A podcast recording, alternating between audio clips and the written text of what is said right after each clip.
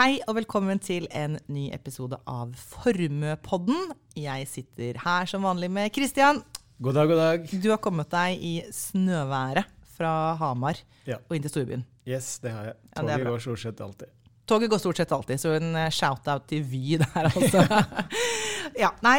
Um, tidligere så har vi hatt en episode om en såkalt ny økonomisk æra.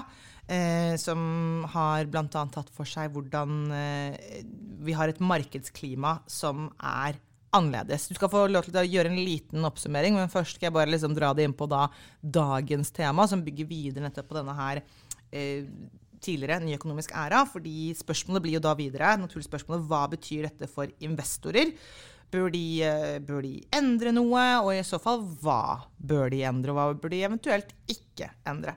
Eh, men, eh, men først, før vi setter i gang med, med det og vårt faste punkt om verdensøkonomien og finansmarkedene, eh, kan ikke du gi en liten oppsummering Christian, av denne, hva, hva det dreier seg om dette med en ny økonomisk æra? Jo, eh, det skal jeg gjøre. Eh, I utgangspunktet så handler dette om eh, hvordan det økonomiske bildet og hvordan finansmarkedene vil bli de neste fem til ti årene. Altså det er jo vanskelig å gi en sånn nøyaktig tidsvurdering rundt det. Men eh, det handler i utgangspunktet om seks eh, strukturelle drivere. Det er jo demografi, det er produktivitet, statsfinanser, geopolitikk, energitransisjon og klimaendringer. Og det som er spennende med disse, det er jo at eh, alle de seks de har potensial til å påvirke inflasjonen. De kan påvirke vekstnivået. De kan påvirke stabiliteten. eh, og dermed også påvirke utgangspunktet for hvordan ting blir i finansmarkedene. Men skulle vi ikke oppsummere hva som har skjedd siden sist? Jo, vi kan gjerne gå rett på, rett på det, men eh, Eller det er jo selvfølgelig punkt nummer én alltid, så da spør jeg deg, Christian, eh, som sitter overfor meg over bordet her. Hva har skjedd i verdensøkonomien og finansmarkedene siden sist, da vi snakket for to uker siden? Ja, jeg, jeg tenkte før vi liksom kommer til de langsiktige tingene, at vi bare tar en liten kikk på hvordan det har gått de siste ukene. Eh, og nå er jo ikke vi i, i formue sånn veldig opptatt av kortsiktige ting, men likevel så er det jo en del av Formuepodden å prøve å gi en liten sånn update. Eh, og det jeg vil trekke frem, hvis vi begynner med det økonomiske bildet På makrosiden så har jo USA overrasket eh, positivt. Eh, de fortsetter å overraske med sin mot økonomiske motstandsdyktighet. Vi har sett at eh, forbrukerne fortsetter å bruke penger til tross for at prisene er høyere. De eh, investerer, altså ikke forbrukerne, men bedriftene i USA, de investerer eh, sammen med myndighetene. Eh, og dette knytter seg da til det eh, Inflation Reduction Act, altså disse store eh, stimulansene fra myndighetene, som bl.a. har igangsatt en, en bølge av industrietablering i USA. Vi har også sett tegn til at boligbyggingen er på vei opp igjen. Men liksom spørsmål hvor lenge det kommer til å vare, men en boliglånsrente på 8 Mm. Men det som, tallet som kanskje fikk mest oppmerksomhet, det var eh, vekstraten for amerikansk økonomi i tredje kvartal, som eh, steg til eh, 4,9% som egentlig er eh, ekstremt bra. Og det, og det vi skal huske på, det er at disse 4,9 prosentene eh, annualisert vekstrate, det er en, en inflasjonsjustert vekst. Så det her er det ikke bare prisene som har steget, her er det rett og slett en underliggende veldig sterk vekst i økonomien i tredje kvartal. Men dumt spørsmål fra meg da. Vekstrate, vekst av Hva, hva er vekstraten? Kan du bare kort forklare hva det betyr? 4,9% vekst av Eh, altså Det er eh, brutto nasjonalprodukt Ja, ok, det er det der, er, ja. Ja. eh, i, i tredje kvartal i, i, i år. Var da eh, eh, på 4,9 Mm. dersom man annualiserer det tolv måneder frem i tid. Og det var justert for inflasjon. Og det er justert for inflasjon. Så det som er eh, veldig sånn vanskelig å forstå seg på i øyeblikket, det er rett og slett eh, om amerikansk økonomi er på vei opp i gir eller ned i gir. Fordi på den ene siden så har du forbruket, du har disse investeringene. Men på den andre side så har du også en del sånne ting under overflaten.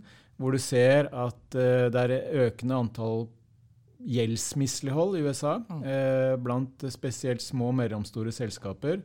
Det er stigende mislighold på forbrukslån, på kredittkortlån, på billån, sånne ting. Og eh, når vi hører på de amerikanske selskapene som rapporterte for tredje kvartal, så er det ganske mange forbrukerselskaper eller detaljhandels, altså konsumentorienterte selskaper som varsler om lavere etterspørsel. Eh, så det kan være at vi er i en liten sånn brytningstid nå, hvor økonomien eh, allerede i fjerde kvartal vil vise tydeligere svakhetstegn enn det den gjorde i, i, i tredje kvartal isolert sett. Men dette henger vel sammen, altså for Inflasjonen i verden er vel både i USA og i verden generelt er fremdeles litt høyere enn det man ønsker at den skal være. Så dette høres jo for meg, da, med mitt sånn naive syn, ut som at ting begynner på en måte å fungere. At man, man får ned nettopp Eller at inflasjonen kommer til å gå ned til det man ønsker nå, eller? Ja, det, det vet vi jo ikke ennå, men det er, det er, helt riktig som du sier at inflasjonen har jo avtatt ganske mye. Eh, både i Europa og i, i, USA. Men det er alltid slik at når sentralbanken da setter opp renten fra i prinsippet null til over fem, f.eks. i USA, eller fra minus eh, til rundt fire, minus én til eller minus en halv da, til pluss fire i eurosonen, mm. så er det klart at det er jo eh, med hensikt om å få inflasjonen ned. Men det som er så innmari vanskelig for sentralbanken å vite, det er jo om de spiser for mye Møllerstrand eller for lite Møllerstrand. Ja, for det er alltid et lite, sånn, et, altså et lite lag her. Yes, det skjer jo ikke momentant. Yes. De, de, vet jo ikke om den innstrammingen som de har gjort nå på rentesiden, er akkurat passe nok til mm. å få inflasjonen ned, men uten å knekke økonomien. Ja. Eller om de får inflasjonen ned, og det er fint, men at de samtidig knekker økonomien, men at det tar litt tid. Mm. Så eh, eurosonen er nok sannsynligvis inne i en slags resesjon allerede, selv om det ikke er noe sånt sammenbrudd av noe slag. Så eh, er det nok negativ BNP-vekst i Tyskland, det er negativ BNP-vekst i, i eurosonen som helhet, i hvert fall ganske nær. Uh, og Den siste tiden så har vi også fått flere signaler fra europeisk økonomi at det er ikke bare industrien som sliter, men også uh, servicesektoren. Og Det var litt av grunnen til at uh, Den europeiske sentralbanken holdt styringsrenten uendret nå forrige uke, og sa at vi er sannsynligvis ferdig med å heve renten. og litt av Noe av det som har bidratt til det, er jo at bankene også de strammer inn utlånsvilkårene sine fortsatt, og etterspørselen etter lån, både fra bedrifter og privatpersoner, har falt ganske mye. Så vi er inne i en, en periode hvor, uh, hvor økonomiene eh, har holdt koken ganske lenge. Men det, det, som er min hypotese, er jo at jo lenger renten holdes høy, både av sentralbankene og av markedene, eh, jo større, desto større heter det, blir resesjonsfaren når vi nærmer oss 2024 og kanskje litt inn i, inn i 2024. Mm. Når det gjelder kinesisk økonomi, bare kort om det også, så har det vært uh, tegn til stabilisering. Uh, en del stimulanser, og myndighetene har sagt at vi kommer til å øke budsjettunderskuddet vårt. Uh, og det betyr jo mer penger inn i økonomien. så de fleste analytikere tror nå at Kina kommer til å klare sitt vekstmål på 5% i 2023, sammenlignet da med 2022. Når det gjelder eh, litt sånn de langsiktige tingene også, så leste jeg på toget Litt sånn eh, digresjon, kanskje. Men eh, Goldman Sachs var jo ute for noen uker siden med en rapport hvor de spår at kunstig intelligens kommer til å løfte produktivitetsveksten i økonomien med 1,5 prosentpoeng i året. Mm. etter at kunstig intelligens blir liksom implementert og kommersialisert i store deler av økonomien. Og det de lager en rapport på nå, de skriver utrolig mye, de folka der, eh, det er at de er i ferd med å oppjustere sine vekstprognoser for verdensøkonomien fra 2027 og utover. Eh, basert på kunstig intelligens. Men ja, nok om det. Men i hvert fall så er det i hvert fall håp om at uh, kunstig intelligens kan løfte produktivitetsveksten, og dermed økonomien også. Det kommer vi litt tilbake til. Men når det gjelder finansmarkedene, egentlig svak utvikling siste 30 dager. Eh, spesielt emerging markets, amerikanske aksjer. Og i USA så har jo flere av de te store teknologigigantene de har levert tall, men likevel blitt straffet i aksjemarkedet. Eh, altså De har levert greie tall, noen av dem, eh, men likevel så har investorene vært ganske strenge og, og, sendt aksjekursene ned. Og det har jo trukket ned eh, både det amerikanske aksjemarkedet og det globale aksjemarkedet, fordi disse se selskapene er så svære, mm. og de do dominerer liksom fullstendig i, i indeksene. Så SMP 500 har falt 10% fra toppen, og det er jo da definisjonen på en, en korreksjon i, i, aksjemarkedet. Og det skrives veldig mye om ok, er vi inne i et nytt bullmarked og det hangler litt, eller er dette egentlig bare fortsettelsen på det bear-markedet som begynte i, i, 2022? Og det som egentlig argumenterer for at uh, vi kanskje heller ser at vi er fortsatt i et slags bear-marked, det er jo at normalt når et nytt bullmarked begynner, så er det ofte små selskaper, uh, de med litt sånn skjøre balanser, men luftige fremtidsutsikter, Eh, og banker også, som stiger ganske mye, men i øyeblikket så er det de som er blant de sektorene som faller mest. Så I USA eksempelvis så har jo eh, en indeks som måler da utviklingen for småselskaper, den har falt eh, betraktelig mer eh, enn en det brede markedet de siste, de siste ukene. Så det er, eh, selv om vi har liksom positive overraskelser i amerikansk økonomi, amerikanske selskaper eh, tjener litt mer penger nå enn det de gjorde forrige kvartal, og forventningen er at det kommer til å fortsette, eh, så er det, det, er, en del bekymring der ute. Og i Europa også relativt svak selskapsinntjening. For tredje kvartal så forventes det rundt minus 7% altså negativ inntjeningsvekst i tredje kvartal. Og Litt sånn fun fact for de som er veldig interessert. Ikke så fun for de som ikke er interessert. Fact. Men uh, noe av det man ser på når disse selskap, de børsnoterte selskapene leverer tall, det er jo uh, hvor mange av dem er det som slår forventningene, altså analytikernes forventninger, på omsetningsvekst. Mm. Og uh, i Europa nå så er andelen selskaper som slår analytikernes forventninger på omsetningsvekst, altså salget, mm. på laveste nivå på ti år. Ja, det, Nå har vel du sagt noen ting om enkelte analytikere i hvert fall her i den Formepodden, og at de er i hvert fall på starten av året veldig veldig eh, positive. Så det høres jo eh, Det du sier nå, at det da er eh, en stor andel som ikke slår forventning til analytikerne, høres jo ut som en logisk konsekvens av det du har påpekt tidligere. Ja, det, det, det kan det være, men det er nok Ikke konsekvens, nei, men det henger det, sammen. Det, det, er Ja. Det er nok kanskje større, en større refleksjon av at eh, økonomien begynner å, å bli litt svak. Ja. Eh, og at eh, etterspørselen etter varer og tjenester, som da er omsetningen for disse børsnoterte selskapene, begynner å, å ja, eh, sprike litt i, i kantene. Mm. Eh, Ellers i, i, finansmarkedene egentlig nok en svak periode for uh, renteplasseringer, fordi rentene har fortsatt å stige eller holdt seg høye. Verdens viktigste rente, den amerikanske tiåringen, ligger fortsatt på rundt eh, mellom 4,8 og 4,9. Bikket over 5 faktisk forrige uke.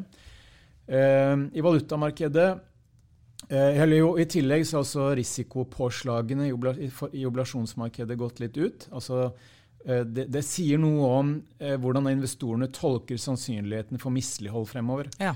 Eh, og de er fortsatt ikke noe sånn krisenivå, men de har begynt å, å steget, steget, litt, i hvert fall de siste ukene. På valutasiden enda svakere norsk krone. eh, ned mellom 3,5 og 4% både mot euro og dollar siste 30 dager. Og Det betyr jo da at uh, for aksjeinvestorer i globale aksjer, så er jo globale aksjer ned rundt 4% målt i dollar siste 30 dager, men faktisk marginalt opp målt i kroner. Og det har jo da kommet, Kronesvekkelsen har kommet eh, norske investorer til gode sånn sett. Den eh, beste investeringen siste 30 dager, bare for å ta med det òg, mm. eh, det har vært gull. Ja. Og det kan nok knyttes til det som skjer i Midtøsten at det er um, økende bekymring for at denne konflikten skal spre seg og eskalere. Mm. Eh, og da vil det kunne påvirke finansmarkedene gjennom en, en betydelig økning i usikkerheten. Så jeg tror, jeg tror vi lar det være med det, med tanke på oppsummering av makro og, og markeder. ja, Hvis man skulle liksom si én ting ut fra hva jeg hører fra det du sier, både om verdensøkonomi og finansmarkedet, er liksom det strammer seg til. Og så vet vi ikke helt liksom ja, det, er, det, er, det, er, sprikende signaler overalt, på sett og vis. fordi ja. På den ene siden så er det resesjonsfrykt, men på den andre siden så har du 4,9% vekst i amerikansk økonomi. Ja, det er jo ganske voldsomt, eh, egentlig. Eh, og, og på, på, på, den ene siden så har du amerikanske teknologigiganter som fortsatt er opp 50% eh, Altså disse fem største teknologigigantene i USA er opp 50 fortsatt, ja. så langt i år. Eh, men smallcap eh, og banker eh, og en del andre typer selskaper, fornybar energi ikke ja. minst, eh, får virkelig på pukkelen. Ja. Eh, og et sånn basic spørsmål fra meg igjen før vi går videre og ordentlig over på dagens tema. Eh, gull, at det blir liksom det man, som er den beste investeringen, det er vel typisk nettopp når det er veldig urolig, at da er det gull man ender opp med, eller?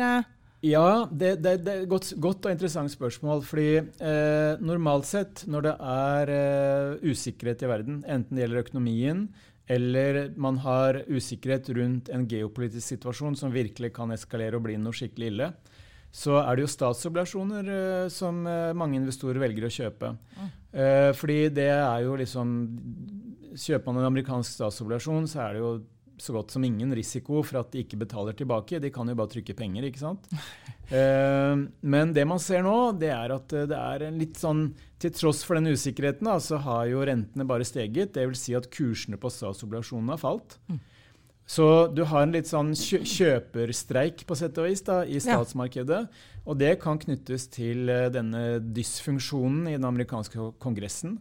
Det kan knyttes til at amerikanske myndigheter må låne masse penger fremover. Som igjen betyr økt utstedelse av statsobligasjoner. Dvs. Si at tilbudet i markedet øker. Ja. Og hvis etterspørselen da ikke er tilsvarende, så vil kursene falle. Ja. Og vi vet også at uh, Kina og India og Russland og en del av disse landene, som ikke nødvendigvis er veldig sånn Nato-venner, mm. de er heller ikke så veldig gira på å kjøpe amerikansk stat lenger. Så en del av de kjøperne, sammen med den amerikanske sentralbanken også, de trykker jo ikke lenger penger for å kjøpe statsobligasjoner, som da holder kursene oppe og rentene nede. De har jo begynt med kvantitative innstramminger. altså Det er reversering av det her. og Det betyr at sentralbanken, som har vært en dominerende kjøper av statspapirer, de er ikke der lenger.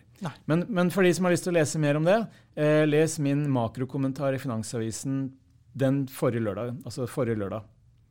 Lørdag som var 28 blir det ikke det? 28. Eh, oktober. Ja, Den siste lørdagen i oktober. Eh, da hadde du en kommentar om eh, i Finansavisen. Et sceneskifte for statsobligasjoner, het det. Riktig. Så da har vi en liten anbefaling der. Ja. Men da Christian, da glir vi over da på denne eh, oppfølgingstemaet til dette med en ny økonomisk æra. Og hvor spørsmålet er hva betyr denne nye økonomiske æraen for investorer, og hva de bør gjøre. Så da sier jeg bare kjør. Ja.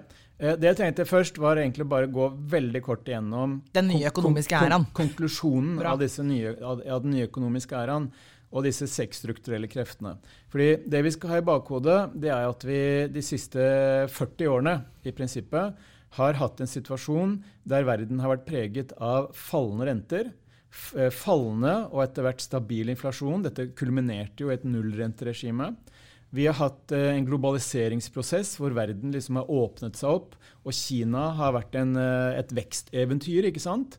Eh, og man har hatt deregulering, altså man har latt markedskreftene spille fritt, fri, friere. Og politikerne har i mindre grad blandet seg inn i, i næringslivets rammevilkår. Uh, og I tillegg så har man hatt tilgang til billig arbeidskraft gjennom uh, eksport av uh, produksjon til asiatiske land, Kina, Vietnam osv. Så, videre. så Så alt, alt dette har jo bidratt til at når rentene faller, så er jo det en kjempeimpuls til økonomien. Gjennom at det blir billigere å finansiere vekst, enten det er for næringslivet eller for myndighetene eller privatpersoner, hva det måtte være. Og i finansmarkedene så betyr jo lavere renter at uh, fremtidige inntekter skal diskonteres med en lavere diskonteringsrente. Det gir en høyere nåverdi på aksjekursene. Og I tillegg så betyr jo lavere renter at det å plassere penger i oblasjoner eller korte statspapirer eller pengemarked for investorer blir stadig mindre interessant. Og da har jo det gitt en voldsom medvind for det vi på Hamar kaller risky assets. Eh, altså mer aksjer, private equity, Kredittobligasjoner, high yield, sånne ting. Mm. Men det som da er en kjensgjerning, og som jeg mener ikke handler om synsing, men som faktisk er ting det er vanskelig som diskuterer seg ut av, det er jo at det nå er en del ting som er i ferd med å endre seg. Og det jeg tenkte jeg skulle gå, gå, gå kort igjennom, er liksom min konklusjon på disse seks strukturelle drivkreftene, Yes. som også ble omtalt uh, i, i Dagens Næringsliv forrige uke, hvor vi hadde en sak med akkurat denne tematikken. Nettopp. Men demografi, hva betyr det? Jo, det betyr at uh, gjennomsnittsalderen i verden den blir stadig høyere. Ja. Samtidig så føder familiene stadig færre barn. Yep. Og det betyr alt annet likt at den ene av de to essensielle drivkreftene for økonomisk vekst over tid, som er vekst i arbeidsstyrken og produktivitetsvekst, som jeg kommer tilbake til straks, der er det god grunn til å tro at veksten i arbeidsstyrken de kommende årene vil bli relativt lav. Og hva betyr det? Jo, det betyr at den knappheten på arbeidskraft som vi ser i mange bransjer fortsatt, den vil vedvare. Men da har jeg lyst til komme med en sånn liten sånn Ja, men for det, det, det stemmer jo at i veldig store deler av verden så, så får jo folk færre Altså man får færre barn. Eh, bortsett fra da veldig mange land i Afrika. Der er man ikke kommet der ennå. Er det Altså der får man jo frem, har man jo fremdeles en vekst i, eh, i arbeidsstyrken. Ja. Eh, og det er egentlig tema for en annen episode, tror Ok, jeg. greit. Men, men dette, med, dette med immigrasjon opp imot klimaendringer ja, Det kan bli en røre som vi må ta i en annen episode. Da lager vi en egen men jeg episode på ser det poenget. Ja. Men hvis vi, hvis vi tenker på de store økonomiene i verden, da, Mm. de som påvirker finansmarkedene, så vil dette prege de fleste store økonomier de kommende årene, inkludert Kina.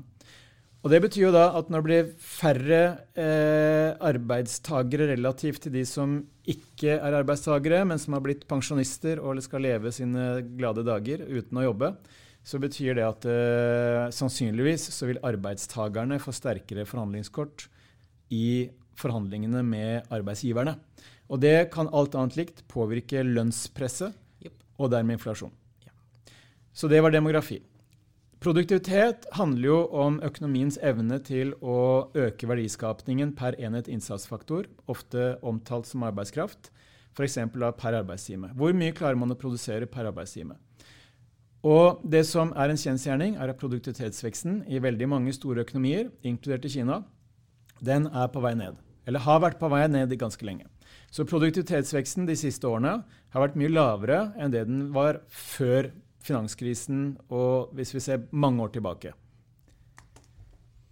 Og da er det slik at Hvis vi da har denne kombinasjonen av lav vekst i arbeidsstyrken knyttet til demografi, og vi har lav produktivitetsvekst, så har egentlig økonomien ganske relativt moderate eh, moderat eh, potensial til å vokse veldig Det mye. er det to faktorer som drar nedover. Yes. Og I tillegg så er det slik at produktivitet og produktivitetsvekst det er ekstremt viktig for å holde inflasjonen nede. Og det som da er interessant, det er jo at ok, demografi, der får vi ikke gjort så mye. Produktivitet, er det noe på gang der? Mm, I- ja. ja. Eh, kunstig intelligens kan bli en løsning på produktivitetsproblemet. Det er jo den fjerde industrielle revolusjon og hva som ligger i Noen det. mener det. Noen mener det. Og eksempelvis Goldman Sachs, som jeg var inne på, de tror jo at uh, kunstig intelligens, når dette blir kommersialisert og implementert i store deler av næringslivet, så kan man doble produktivitets produktivitetsveksten. Ja. Og en dobling av produktivitetsveksten fra 1,5 i USA til det dobbelte, det vil kunne gi en ganske betydelig vekstboom. Uh, og da er det jo på produktivitet og kunstig intelligens egentlig det fremtidige vekstvidunderhåpet hviler. Ja. Det tredje, eh, den tredje strukturelle driveren det er statsfinanser. Fordi at gjennom en kombinasjon av den høye statsgjelden vi allerede har, budsjettunderskudd i mange land som må finansieres med enda mer gjeld eh, Vi vet at eh, stadig flere blir eldre, skal leve lenger. De må ha trygd, de må ha pensjoner. Vi vet at vi har et grønt skifte som skal gjennomføres. Vi har klimaendringer som kan skape kostnader for myndighetene. Og vi har en trang til militær opprustning etter det som har skjedd i Ukraina og nå i Midtøsten. Så betyr det at myndighetene må bruke stadig mer penger de neste årene. Og det tyder på at uh, gjelden vil fortsette å øke, i hvert fall i ganske mange økonomier, inkludert i USA. Uh, det er forventninger om at det vil kunne gå riktig retning i Europa, men det gjenstår å se. Uh, og poenget, konklusjonen på det, er jo at jo høyere statsgjeld myndighetene har, og jo mer skeptiske investorene er til å kjøpe de statspapirene, desto høyere vil jo markedsrentene bli. Og vi vet også at ekspansiv finanspolitikk kan ha en, eh, kan ha en konsekvens for uh, inflasjon. Og Det vi også ser tendenser til når det gjelder statsfinanser, det er jo at i det politiske bildet, både i USA og mange andre land, så får det en polarisering. Mm. Det blir mindre sentrumspolitikk. Og det øker jo sannsynligheten for mer ekstrem eh, finanspolitikk, enten på den ene eller andre retningen. Så statsfinanser kan påvirke rentenivå, kan påvirke eh, vekstnivå og inflasjon. Det fjerde er geopolitikk. Det har vi snakket mye om. Men kort oppsummert, vi ser tendenser til at globaliseringen bremser opp, og man får i mye større grad en regionalisering. Og hvis man skal ha regionaliserte økonomiske blokker fremfor en global økonomi hvor alle er venner og handler med hverandre, så betyr det at hver enkelt blokk skal lage sin egen industri, lage sin egen produksjon, lage sin egen interne økonomi. Og det vil alt annet likt bidra til et høyere produksjonskostnadsnivå enn om man samhandler og utnytter komparative fortrinn. Så geopolitikk skaper usikkerhet. Kriger er per definisjon alltid inflasjonsdrivende. Og ikke minst så vil geopolitikk også kunne ha stor betydning for energiprisene. Ikke minst olje eh, og gass, som igjen kan påvirke en del andre ting eh, og, og, prisnivået på, på matvarer osv. Den, femte, den femte det er energitransisjon, og det er jo overgangen fra fossil til fossilfri. Og der er det jo slik at hvis vi faser ut fossil energi før vi rekker å implementere fossilfri energi, inkludert mer kjernekraft, Sunniva, så vil det jo kunne komme perioder der energiprisene stiger kraftig. Og en X-faktor der som mange har snakket om og skrevet om, det er jo at denne eh, energitransisjonen, elektrifiseringen, den krever jo e-, ekstremt store mengder med metaller og mineraler Riktig. relativt til fossil energi. Og hvem er det som sitter med Også relativt i forhold til kjernekraft. Ja. ja. Eh, og hvem er det som sitter i dag med, eh, nær, med nærmest monopol på eksporten og tilgangen på raffinerte eh, metaller og sjeldne jordarter. Det er Kina. Det er Kina. Og hvis da Kina og USA og Vesten blir mindre venner, så kan Kina gjøre mer av det de har gjort allerede, nemlig f.eks. å innføre eksportrestriksjoner på grafitt. Ja. Som de gjorde for et par uker siden. Så det betyr økte priser, inflasjon, kan påvirke renter. Og den siste, klimaendringer. Stadig større økonomiske konsekvenser. Enten i forhold til energiproduksjon, energietterspørsel. Det kan ha eh, påvirkning på matpriser, matavlinger, produksjonskostnader innenfor jordbruket. Og det kan også påvirke produktiviteten til folka, fordi vi liker ikke å jobbe i 40 graders varme. Altså, energi er jo til syvende og sist eh, det som får ting til å skje. Både fra helt grunnleggende i fysikken, men, men, også økonomien er jo heller ikke på en måte løsrevet fra de fysiske lovene. Nei. Og det er litt sånn som min, min favoritt, mitt favorittanalysehus i hele verden. Uh, Gavical Research. Oh. Uh, de sier at uh, economic activity is energy transformed. Yes. Jeg syns det er fantastisk. Det likte jeg veldig veldig ja. godt. Mm. Uh, og, og nå, nå, skal vi ikke dra ut i det lange og brede om det, men det de sier, det er at historisk, de økonomiene som har klart å kapitalisere på billig energi, det er de som gjerne har hatt den høyeste vekstraten. Og omvendt. Mm. Men det vi skulle ta eh, Spørsmålet er jo hva har alt dette her å si da yes. for investorene? Ja, Men det jeg tenker av økonomiske konsekvenser, så skal jeg trekke frem fire ting. Det første, som jeg har vært litt inne på, det er mer urolig inflasjon. Vi har vært gjennom en ganske lang periode med avtagende og til dels eh, non-existent eh, inflation. Eh, og hvor inflasjonen har vært ekstremt stabil. Vi skal huske på at all den pengetrykkingen fra sentralbankene, hva var hensikten med det? Jo, det var egentlig å få inflasjonen opp. Ja, for jeg tenkte Det gir jo inflasjon, men det var, poenget var å få det opp? Poenget okay. var å få inflasjonen opp mot sentralbankenes mål på 2% okay. Men det klarte de ikke før egentlig i, kjøl, i kjølvannet av pandemien. Men nok om det. Urolig inflasjon den kan utløses av det som skjer i arbeidsmarkedene, kan utløses av det som kan skje med energi- og matpriser. Eh, økte produksjonskostnader knyttet til, eh, til eh, regionaliser, regionaliserte økonomier. Og det kan også knyttes til budsjettunderskudd og mer ekspansiv finanspolitikk. Det andre det er høyere renter. Det følger litt i kjølvannet av mer urolig inflasjon. fordi Hvis sentralbanken er usikre på hvor inflasjonen kommer til å være, så kommer de til å ha et høyere strukturelt rentenivå, nærmest sånn preventivt rentenivå, for at ting ikke skal bli, bli, bli en sånn negativ spiral. Men hva er det som kan drive høyere renter? Jo, det er bl.a. Uh, eh, urolig inflasjon. Det er disse budsjettunderskuddene som er inne på. Regionaliserte økonomier. Og at sentralbanken i tillegg ønsker fleksibilitet. Og med det så mener jeg at når sentralbanken hadde rente på null, så var de veldig redde for resesjon. Mm. Fordi hvis du da fikk en resesjon, så hadde de ikke noe rente å kutte. Nei. mm. Bortsett fra at man da kunne innføre negative renter, som man gjorde i eurosonen og Japan og Storbritannia osv. Eh, I tillegg så var jeg litt inne på det, men at vi får denne polariseringen i det politiske bildet, kan også bidra til at vi i utgangspunktet har et høyere rentenivå.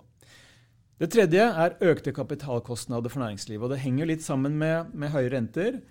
Men jeg vil likevel si at eh, vi kommer jo fra et økonomisk klima der eh, både gode og dårlige selskaper har fått låne penger billig.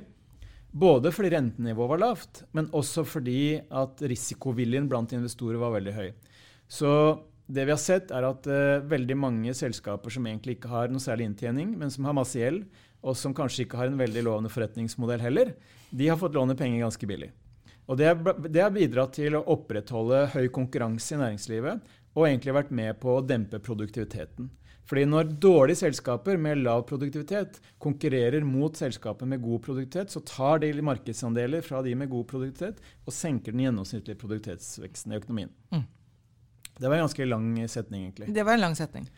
Eh, så økte kapitalkostnader vil komme fra et høyere strukturelt rentenivå, men også det at Clinton vil skilles fra hveten i næringslivet. Ja. Fordi at når du da har høyere renter, du har et mer urolig økonomisk klima, så vil ikke lenger investorene si at ok, hvis du er et dårlig selskap, så skal du få låne penger like billig som et eh, bra selskap. De vil skille mye mer. Du får mye større dispersion, som det heter på Innlandet. Altså forskjeller. Men hvordan, hvordan avgjøres det hva som, eh, hva som, er bra og hva som er dårlig her, da? Jeg tror at uh, investorer, investorer og forvaltere og pengepassere i mye større grad vil måtte bruke huet. Altså De vil i mye større grad måtte bruke kunnskap, nettverk og erfaring for å gjøre hjemmeleksa si på hva er det som er god risk, og hva er det som er dårlig risk. Vi går inn i en periode der man må gjøre hjemmeleksa si, rett og slett. Helt riktig. Og det betyr jo også, eh, som jeg kommer litt inn på, at jeg tror at vi kanskje spesielt innenfor de private markedene, altså unoterte markedene, vil se at dette med aktiv forvaltning blir enda viktigere å treffe riktig på. Altså at man velger riktige forvaltere. Fordi når du får større dispersion, større forskjeller mellom vinnere og tapere i næringslivet, så vil det jo bli enda mer krevende å gjøre den hjemmeleksa. Mm. Og finne ut ok, hva er det som er bra selskap, og hva er det som er dårlig selskap.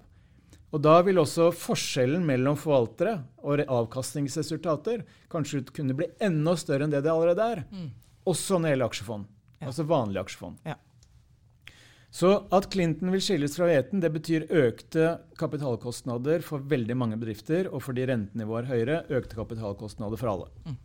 Og det siste er egentlig at vi kanskje går mot en periode med mer dempet vekst i, i, i verdensøkonomien. Eh, Kina kommer ikke til å vokse med 10% i år lenger, kanskje 3-4. Eh, og hvis man da kombinerer det demografiske bildet med det, det store spørsmålstegnet rundt produktivitetsvekst, som vi har snakket om nå, så går vi nok inn i en periode der veksten i økonomien, verdensøkonomien, ikke kommer til å blomstre spesielt mye. Det trenger ikke nødvendigvis være en forutsetning for at man ikke skal få avkastning i finansmarkedene. Liksom, der må du nesten en resesjon, en kraftig liksom, tilbakegang i økonomien og i selskapsinntjening og gjeldsbetjeningsevnen for at avkastningen skal være dårlig i en periode. Men det er ingen tvil om at uh, demografi, produktivitet med kunstig intelligens som en joker, og de høye gjeldsnivåene som vi har i offentlig sektor Fordi du kan tenke deg myndigheter som har mye gjeld. Og når renten da stiger, så må de bruke mer av skatteinntektene på å betjene gjeld fremfor å stimulere økonomien. Og hvis da myndighetene kommer i det, den posisjonen, og da tenker jeg kanskje først og fremst på USA nå, at de må bruke en mye større andel av inntektene på å betjene renteutgifter fremfor å stimulere økonomien, så vil også det kunne virke negativt inn på vekstpotensialet i økonomien. Helt åpenbart. Mm. Det siste jeg tenkte vi skulle gå gjennom i dag, det er egentlig hva vil det her bety for kapitalmarkedene. Ja.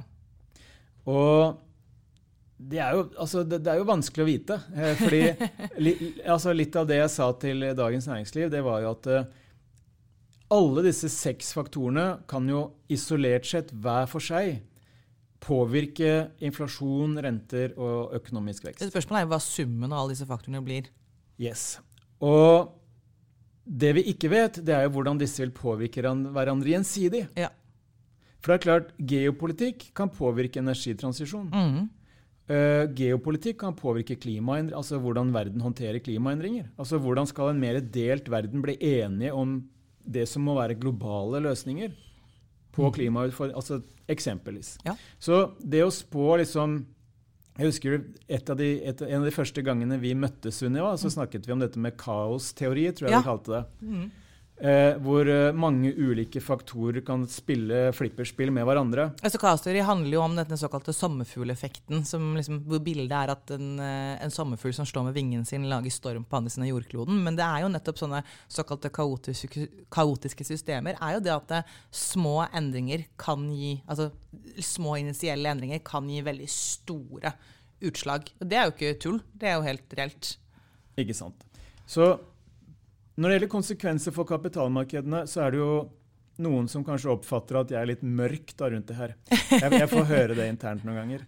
Eh, men det jeg tenker er at eh, på mange av disse utfordringene som vi har snakket om, altså disse seks strukturelle driverne, så er jo dette problemer eller utfordringer som må løses. Mm.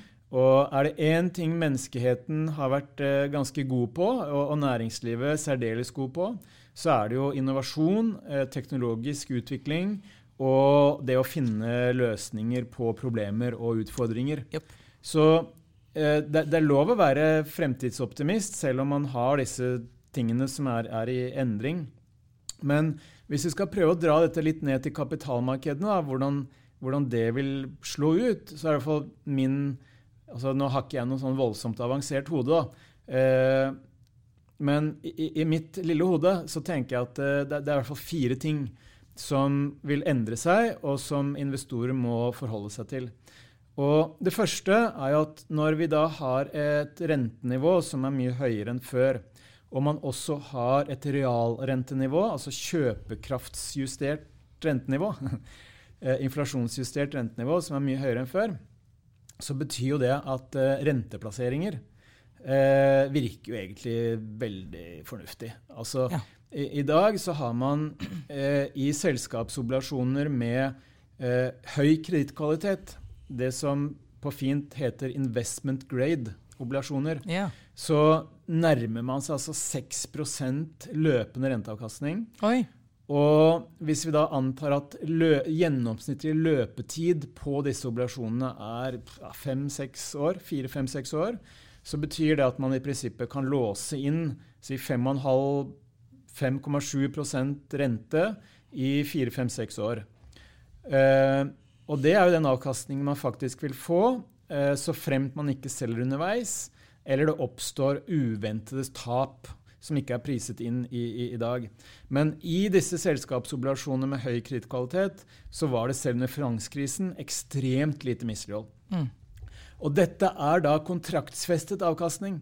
Hva betyr det kontraktsfestet avkastning? Jo, altså Når man kjøper obligasjoner, så står det i et, et avtaledokument at dette er den renten som hver enkelt obligasjonsutsteder ah. skal betale til investorene. Ja. Og investorene i vårt tilfelle det er obligasjonsfondene, eller rentefondene.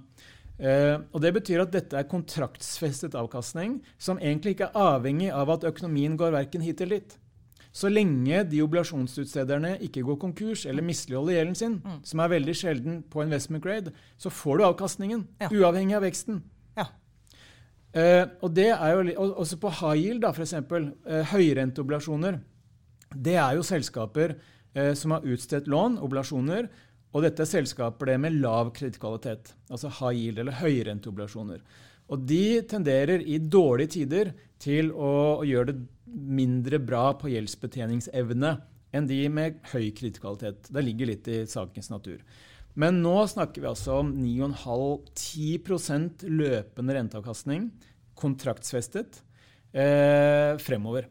Og Det betyr jo da at eh, hvis man har f.eks. En, en portefølje av renteplasseringer, enten det er pengemarked eller, eh, og eller investment grade og high yield, så er det kontraktsfestet avkastning.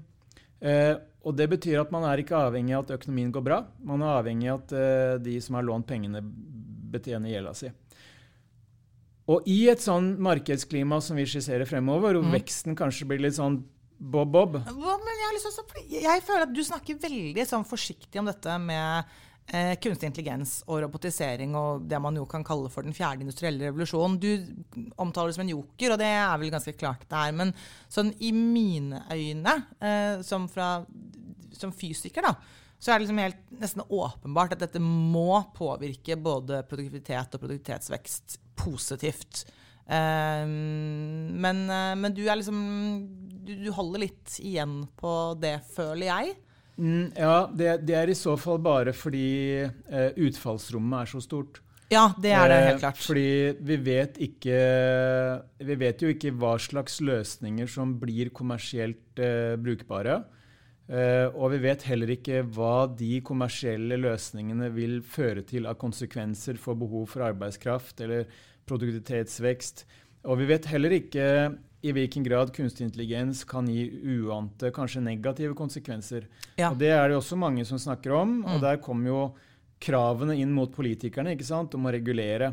Men hvordan skal man regulere noe man ikke vet? De vet jo ikke hva de skal regulere. Nei. Hvordan, nei, hvordan skal man regulere noe man ikke vet utfallsrommet på? Ja. Så, så, det er litt uh, når det gjelder kunstig intelligens, da.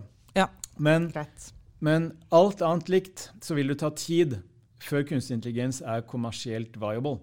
Ja. Det, vil ta tid. Så det jeg tenker når jeg snakker om moderat, eh, litt sånn dempet økonomisk vekst i verdensøkonomien, så er nok det de kommende årene. Mm. Eh, om det er liksom tre år eller fem år, sju år, det, det, det vet vi jo ikke. Ja. Men, men, poenget mitt er iallfall at eh, oblasjoner, og da tenker jeg på kredittobligasjoner, Eh, selskapsobligasjoner med høy og lav kredittkvalitet har kontraktsfestet avkastning. Det har jeg sagt mange ganger nå. eh, og Det betyr jo at eh, man er avhengig av at, eh, at gjelden betjenes, men ikke nødvendigvis at veksten blomstrer eller at selskapsinntjeninger blomstrer. Ja. Så, så, jeg tenker at i et sånt klima så blir det å ha renteplasseringer eh, som en minst like stor andel i porteføljen som det man hadde når renten var null, eh, det blir en understatement. Yes. Og, og, og, det er også knyttet til opp imot aksjer. ikke sant? Ja. Fordi aksjer er jo enten avhengig av at økonomien og selskapsinntjeningen går bra, eh, og eller at investorene blir stadig mer optimistiske og er villige til å betale stadig mer, slik at verdsettelsen går opp. Altså ja. at, at PE-tallet går opp. Eh, så, så eh, man skal aldri undervurdere aksjer, aksjemarkedet. Aksjemarkedet har historisk steget til tre av fire kalenderår. Og det er det god grunn til å tro at det kan gjøre det neste årene også. Mm. Men, men, jeg tror vi skal dempe avkastningsforventningene. Så mens man på en måte kan justere opp avkastningsforventningene på populasjonssiden, mm. så må man justere ned avkastningsforventningene på aksjesiden. Og det taler jo alt annet likt for at man skal ha minst, jeg er alltid så forsiktig når jeg sier det, men minst like mye i, i kredittobligasjoner som før, og kanskje eh, min, litt mindre aksjer enn det man har hatt før. Så minst like mye i kredittobligasjoner, og kanskje litt mindre i Ja, for hvis, hvis, man i en portefølje skal ha minst like mye kredittobligasjoner som før, så må det finansieres av noe. Ja. Eh, da må man hente pengene fra, et, fra, en annen eh, investering, og det kan jo da f.eks. være aksjer. Yes. Eh, det neste, Nå ble det lang utredning om, om den første, som da var kreditt. kontraktsvis avkastning. Jeg sier det en gang til. Jeg. Den andre handler om korrelasjoner. Fordi det vi vet har vært den klassiske investeringsporteføljen i, i, mange mange år, det er jo en kombinasjon av aksjer og statspapirer. Det er den såkalte 60-40-porteføljen. Og I veldig mange perioder, spesielt med lav og fallende inflasjon, så ser man gjerne at eh, ok, når aksjemarkedet faller, da strømmer investorene til statsobligasjoner, driver kursene opp og rentene ned. Og Da får man denne diversifiseringseffekten, ikke sant, som er så fin. Men det vi ser, det er at i perioder med mer urolig inflasjon, mer urolig, eh, mer urolig renter, så vil man gjerne se at eh, den korrelasjonen den er ikke så hyggelig lenger. Og det har vi sett i 2022, vi har sett det gjennom deler av 2023, at aksjer og statspapirer faller og stiger i verdi samtidig. Og da faller jo den risikospredningseffekten. Så de kommende årene, gitt det bildet jeg har skissert i, i dag, så er det god grunn til å tro at statspapirer ikke lenger vil gi den samme risikospredningseffekten som før. Det som også er et, et supplement til det, det er jo at eh, vi vet jo at også kredittobligasjoner, og spesielt da eh, selskapsobligasjoner med høy kredittkvalitet, det er kalt investment grade, mm. De har eh, både en eh, risikopåslagkomponent, som da sier noe om hva investorene tror om gjeldsmisligholdssannsynligheten, men de har også en markedsrentekomponent. Og Det betyr jo at eh, hvis denne markedsrentekomponenten kommer til å være en mindre hyggelig diversifiseringseffekt for aksjer, så vil det også det kunne påvirke risikospredningseffekten fra selskapsobligasjoner også. Og Det øker da betydningen for å utvide porteføljen med flere typer byggeklosser. Og Da kommer vi inn på min eh, bolk nummer tre, mm -hmm. på hva en ny æra kan bety for markedene, kapitalmarkedene og for investorer. Og Det handler om diversifisering. Fordi hvis vi alt annet likt de kommende årene må forvente noe lavere avkastning fra finansmarkedene enn det vi har vært vant til de foregående årene, og ikke minst etter finanskrisen, så betyr det at eh, hvis vi skal ha noe lavere avkastning, og samtidig kanskje må forvente litt flere opp- og nedturer, litt mer urolig eh, sjøvann, så blir jo det med risikospredning enda viktigere. Altså Da vil du dempe eh, verdibevegelsene så godt det lar seg gjøre. Og det er enda viktigere når avkastningen ikke er 15% i år lenger, ja. men noe lavere. Mm. Og når vi også da vet at korrelasjonen, altså hvordan disse aktiva klassene kan bevege seg i forhold til hverandre, også kan bli mer flyktig, så blir det enda viktigere å, bygge ut porteføljen med som nevnt, enda flere byggeklosser enn det man kanskje har hatt før, med bare aksjer og renter. Og Da tenker jeg jo først og fremst på ulike typer alternative investeringer. Men igjen, der blir det ekstremt viktig å finne de riktige forvalterne, fordi du får større dispersion også blant aktive forvaltere. Ja, og Hvordan finner man den riktige forvalteren, da? Det er heldigvis opp til eh, de miljøene som man velger å, å betro seg til. Eh, og i hvert fall for oss her i, i Formue så har vi holdt på med alternative investeringer i 23 år. Ja, For det er dere som finner de riktige forvalterne? ja. Så det er dere som skal gjøre den jobben? Ja, så vi, vi, altså De som har holdt på med det her i mange mange år, da, ja. de har lykkes å finne gode forvaltere. gode De gjør hjemmeleksa si. De gjør hjemmeleksa si og har bygget ut et uh, nyttig og verdifullt nettverk. Ja. Den siste går egentlig litt på det samme, og det er at uh, i et markedsklima slik som jeg skisserer det nå, hvor Clinton vil skilles fra hveten, så er det ikke lenger nødvendigvis slik at det blir en, en sånn no-brainer å kjøpe markedet rått og rødt i. Og med det så mener jeg rått og røti det er et hedmarksbegrep som betyr at man kjøper alt uansett om det ser bra ut eller dårlig ut. Okay. Og da tenker jeg på indeksfond. Mm. Eh, fordi I et indeksfond så kjøper man jo markedet as is, eh, vektet i henhold til hvor store selskapene er. Og Det betyr at du med på kjøpet får, ja, du får rått, og røti. Men de kommende årene så er det ikke sikkert at uh, rått og røti vil utvikle seg like bra sammen, men at det blir mye større forskjell, som har vært litt inne på. Og da blir dette med aktiv forvaltning Kanskje, kanskje de får en, en liten sånn edge da, som man ikke har hatt. Men det vil kreve mer, kreve mer innsats, kreve mer Eh, hjemmearbeid.